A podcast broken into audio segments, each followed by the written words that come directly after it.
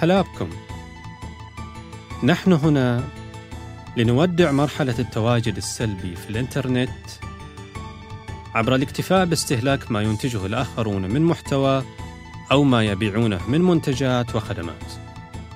نحن هنا لنودع مرحلة القناعة المترسبة بأننا مجرد مستخدمين أفراد عاديين ولا نملك مزايا الكيانات أو موارد وقدرات المؤسسات حتى نقدم شيء يميزنا ويضيف قيمة للمستخدمين والمتابعين الآخرين.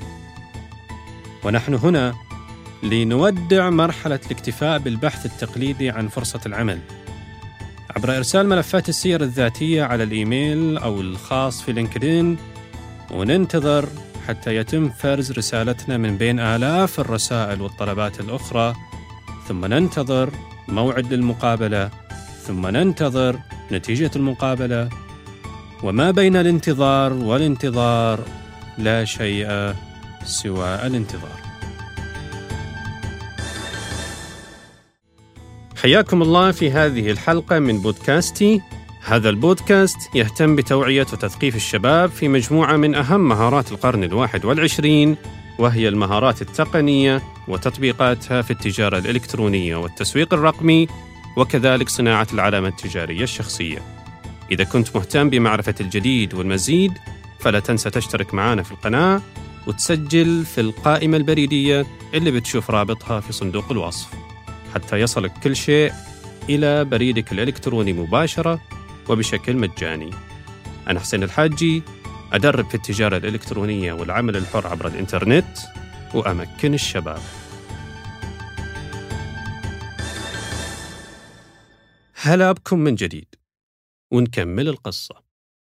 نحن هنا لنستقبل مرحلة يتحول بها وجودنا الدائم ونشاطنا المستمر على الإنترنت وحساباتنا الشخصية في مواقع التواصل الاجتماعي من تواجد يركز على الاستهلاك وما يشد الانتباه وما يشجع الآخرين على بدء العلاقة وإنشاء الرابطة معنا إلى تواجد منتج يضيف قيمة ويجذب العروض الوظيفية ويصنع الفرص التجارية وينمي بشدة العلاقات المهنية.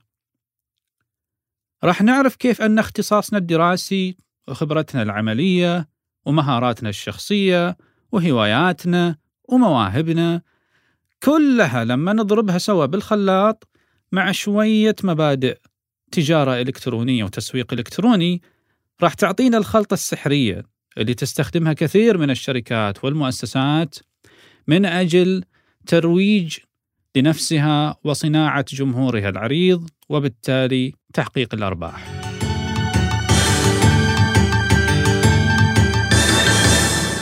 لحظة أنا ما أقول تحول إلى مؤسسة وافتح مكتب ومحل على العكس اللي أبغى أكد عليه أننا نقدر نبدأ وننطلق كأفراد لأن لدى كل فرد فينا موارد شخصية تساعده في تحويل الإنترنت إلى مصدر من مصادر الدخل وبناء المهارات واكتساب العلاقات المهنية ودخول عالم الأعمال وحتى من أصغر أبوابه وقنواته وأدواته ومش بالضرورة من أكبر أبوابه.